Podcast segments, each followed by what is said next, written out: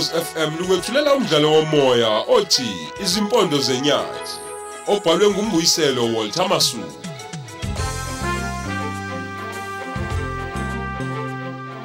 Yamukela isiqebu sethu samashumi amathathu nesikhombisa.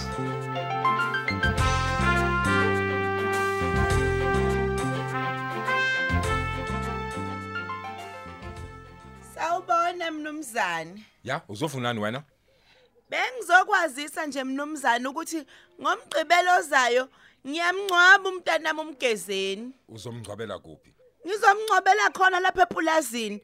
Ayikho enye indawo engingamncwabela khona. Angithi uyazi ukuthi nxa ungcwaba umuntu lapha eplazini lami, ukhokha inkomo. Hawu mnumzane. Noma ebulawo wena kufanele ngikhiphe inkomo yo- yokuthenga imvumo yokungcwaba. Yebo. Uma ungcwaba nje lapha eplazini lami, ukhipha inkomo. Wemnumzane. Wena ke kupho ongelelekelela ngakho ekutheni ngingcoba umntanami ngoba phela wabulawa uwena. Mavis, usuqedile obuze ngakho? Cha mnumzane. Bengizocela ukuthi ungiphendule kulokho engikubuzayo ukuthi ngoba uwena phela obulela umntanami yini ongelekelela ngayo. Uma ngingasekho kunye ngicela uhambe please. Nginemsebenzi eminingi kabi la nengihlalele. Khwehlela Awunamahloni. ngendlela, khwehlela ngendlela. Ungifuna inkomo kube kuwena obulela umntanami. Wathembisa ukuthi uzongcwabisa manje usuyasuka u- usuyangigqolozela usukholeza ungcwaba. Yekela ke sebekhona bazongcwabela. Uyabona wena ulibambe lingashoni ibhunundini. Hamba, hamba.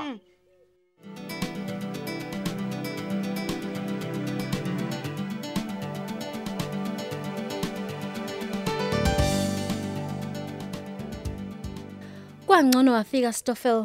Ya, Yazi Miss. nje u- ungena nje kunale fax efika eqhamuka kwaLand Reforms. Bafunani futhi labo bantu manje? Bathi bafuna ukuthenga leli plaza lethu lonke. Hey. Balithenge, balithengela abahlali nabasebenzi basemaplazini. Bayadakwa Lizette badakiwe. Ngeke bakubone lokho, bakusuthi ingubhu. Hayi inkosi impela bathi akuxoxiswana ukuthi ungalidayisa ngamalini leli plaza bese sibuyela kubona. We- Wena uthini Lizette? Ey okwamanje Stoffel anginampendulo. Mhlawumbe umuntu kusafanele acabange nje acabangisise kahle ngesinqumo angasithatha ngalolu daba. Ya, uyazi Lizette. Ngifake imali eningi ngilungisa leli plaza lami. Nginemfuyo eningi lapha eplazini. Nangokulima, nangokufuya futhi. Kungenisela imali eningi. Ngeke nje ngimane ngilidayise nje kalula nje. Sengilisebenze kangaka.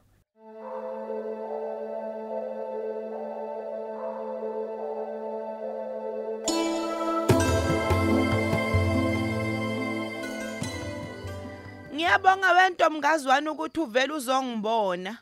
Umncwabu usaqhubeka njalo ngawo umgqibelo losiya kuwona. Hayi, kungcono ke intombi umncwabo uma usaqhubeka. Hayi sesisithi isikhathi kumile ngenzeki lutho. Angithi leli bhunu leli. Leli bhunu leli lenza ukuthi yonke itime nje. Uyabona njengoba umncwabu libena uhlehla nje. Angithi uyakhumbula phela ukuthi ilona belisixoshela lapha eplazini. Mhm. Kwaze kwalekelela uhulumeni ukuthi asisize. Hayi yebo ngiyazi impela ntombi.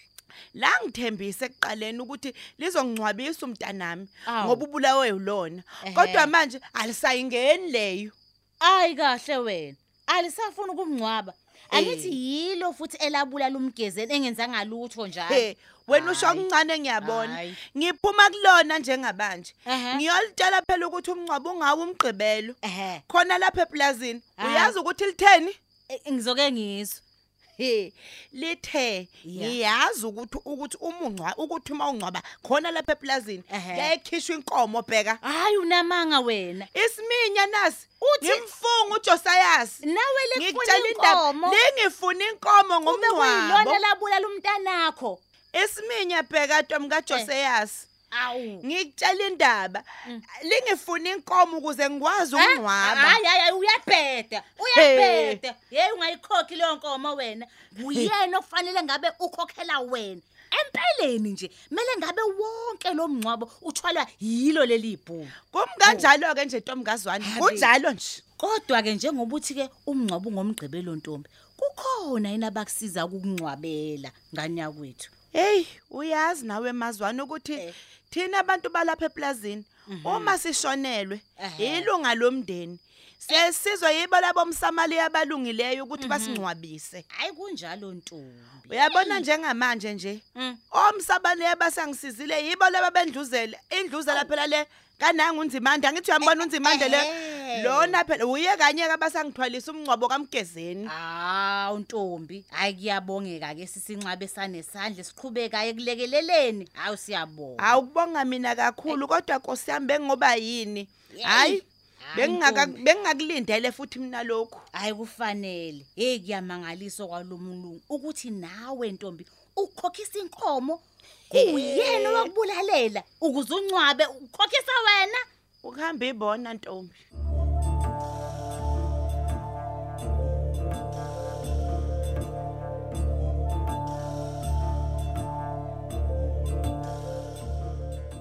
hello Yebo mnumzane Stockfell. U- ungubani wena Ngingumduduzi Dlamini waka Land Reform ePietermaritzburg. Bengifuna ukuthola lapha isiqiniseko sokuthi itholile na ifax yami. fax yakho ibilahlekile yini? Wayifuna Mnumzane kumina Stockfell, siyasabonisana lapha sihofisi laka Land Reform ukuthi sithenge ingxenye yeplazi lakho lapho. Lapho kwakhe khona abantu bakithi abamnyama kanye nenkambo yakho yenkomo le oyikhile wena. Noma ke silithenge nje lonke iplazi lakho. wendoda ndeni engingakwazi. U- ungijwayezwa ubani wena? Ngoba ngithi angiyena nje umngani wakho. Ah mnumzane lento esikhuluma ngayo nje ayifuni ukuthi babangane. Ngilungisela abantu bakithi abamnyama abanganamhlaba lapha ezweni labo. abanamhlaba ezweni labo. Angithi bahleli ezweni lami iplazi lami leli bahleli ngenkani yena ngale nkantolo yene ebhedayo. Hayi mnumzane Stockfella sibahlese ngenkani ngoba wena ubaxosha eplazini lakho elisemhlabeni wobaba mkhulu wabo. Hey ke lalela ke angilidayisi iplazi lami mina. Angidayisi ngisho nokuncane nje kulona. Singumnyango wezomhlaba mnumzane sifuna ukuthengela abantu bakithi le ngxenye abahlala kuyona ukuze nabo phela babe nomhlaba wabo. Mningi kabi umhlaba ungenalutho ha? Okungakhiwanga lutho nje futhi kuwona.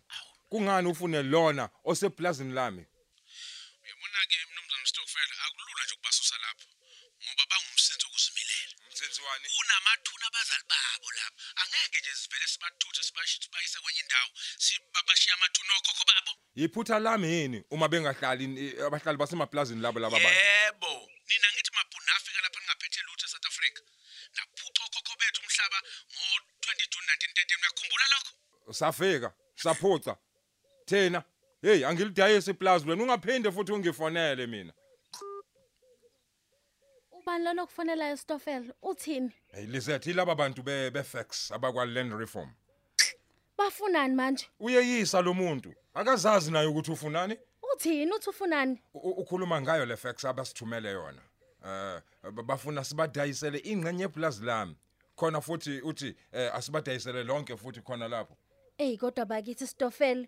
Kona wonke amaplaza khona lapha eSouth Africa. Kungani bekhethele liplazi lethu? Uyazi bathini bathi babuyisa umhlaba esawuthatha thina singamabhunu ngomhla ka6 kuJune 1913 ngangekuphi Yazi babheda laba bantu Stofel. Sasikuphi thina ngomhla ka6 June 1913? uthi lo muntu wakwa land reform asifikanga nalutho thina lapha safika thina sabaphuca abantu abamnyama ngonyaka ka1962 lapha eSouth Africa ngangekuphi mina Uma besiphuca leli plaza lethu bathi senze njani? Senzeni ke thina? bayahlanya yelez mal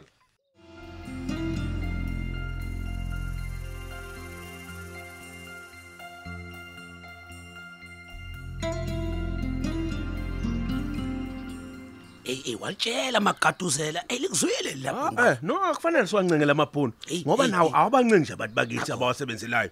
Kungcono ke manje ubuseyazi uStofela ukuthi lela plus salifuna noma nje kube ke ingxenye nje yalo. Na- Kwakhona nje akufanele ukuthi balokho benza libe likhuna inhliziyo Hayi, zabo. lutho, lutho, lutho. Ngoba phela s- basobanika imali eshisiwe ngalamaplazi, siyawathenga lamaplazi. Bekufanele ngabe babona ukuthi uhulumeni walapha eSouth Africa uyababonelela ngemali enkulu. Use badedela umhlaba. Iqiniso lelo. Futhi ke thina sifane eZimbabwe, iZimbabwe wathatha ngenkani. Hey hey sebalikhulu. uStokfela ufunekazi ukuthi sifuna ukuthuthukisa le ndawo okwakhe kuya abantu. Sifuna ukubakhela izindlu zomxaso. Nabo phela amaplazini funa babe nazo. Impela sibafakela ugesi, amanzi kampompi, sibakhele nje nama toilet. Sibakhele nezikole phela ukuze ufunde ingane zasemaplazini. Saka amaklinikhi mfowethu bengahambi nje ibanga elide beya kohlobane. kufanele bafolele ibhunu libone isidingo sokuthi lidedelele la plaza uze lo yamhlaba ubuyele ebantwini bawo. Impela ngizoya ke mfethu ehovisini lapha kwanalo ngiyocela ibalazwe lalela plaza ukuze sibone ukuthi likhulu kangakanani. Nokuthi phela kufuneka sibheke ubukhulu balo ukuthi eh, bungasibiza malini nxa sesithenga ingcenye ke yokwakha kuyo phela abantu bakithi. Nenkambuko yenkomo zabo. Kubaluleke kakhulu lokho sophinda futhi sibheke nje ukuthi lide kangakanani eh, ukuze sibone singathenga ngamalini. Uyabona sibalikhulu fanele sizame ukuthola unkosikazi kaStofela. Ke sikhulume naye ukuthi siyalifuna lela plaza. Bona nje uyazi uqiniseke lapho. Simtshele nje ukuthi umnyango ungabanika malini enhle uma belidedela lonke noma ingcenyana yalo. Uma nje singawini wesifazane sobe sinqobile. awushayileke lapho.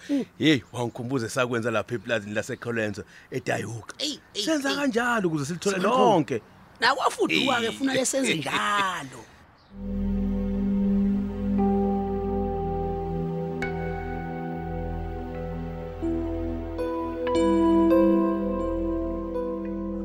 Wemazwana. Baba. Ngafika le ekhaya ungekho uphumaphi hayi kade ngikwanqongo baba kuMavis. Uyokwenzani? Hawu bengihambisela isipheko umyeni wami njengoba eshonelwe nje. Oh okay. Bathi ngcwatshwa nini? Ngoba kade ashona phela umgezeni. Awu angimeleke ngabona ngibuza lo mbuzo umthiyane angithi umngani wakho wabulela umgezeni akasafuni ukumngcwaba manje. Kahle bo usuqalile futhi mazwana nalezi Oh, sengiqale ini baba? Wena njalo nje baba hleze umvikela lo mlungu wakho. Kuwena nje umnumzane uhlale right baba. Hey lalela Hawu.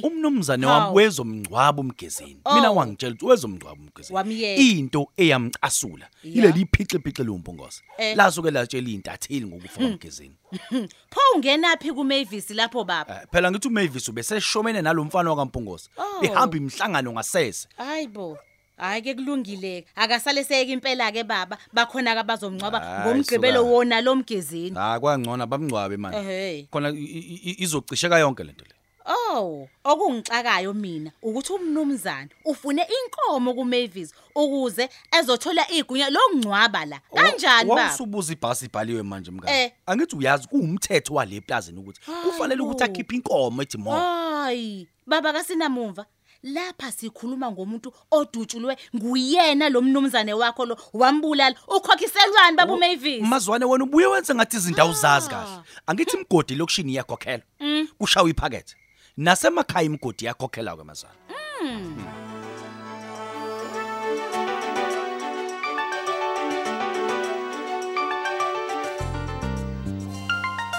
Siubeka lapho umdlalo wethu osihloko sithi izimpondo zenyati. Qinisekisa ungaphuthelwa isiqephu esilandelayo ukhozi FM.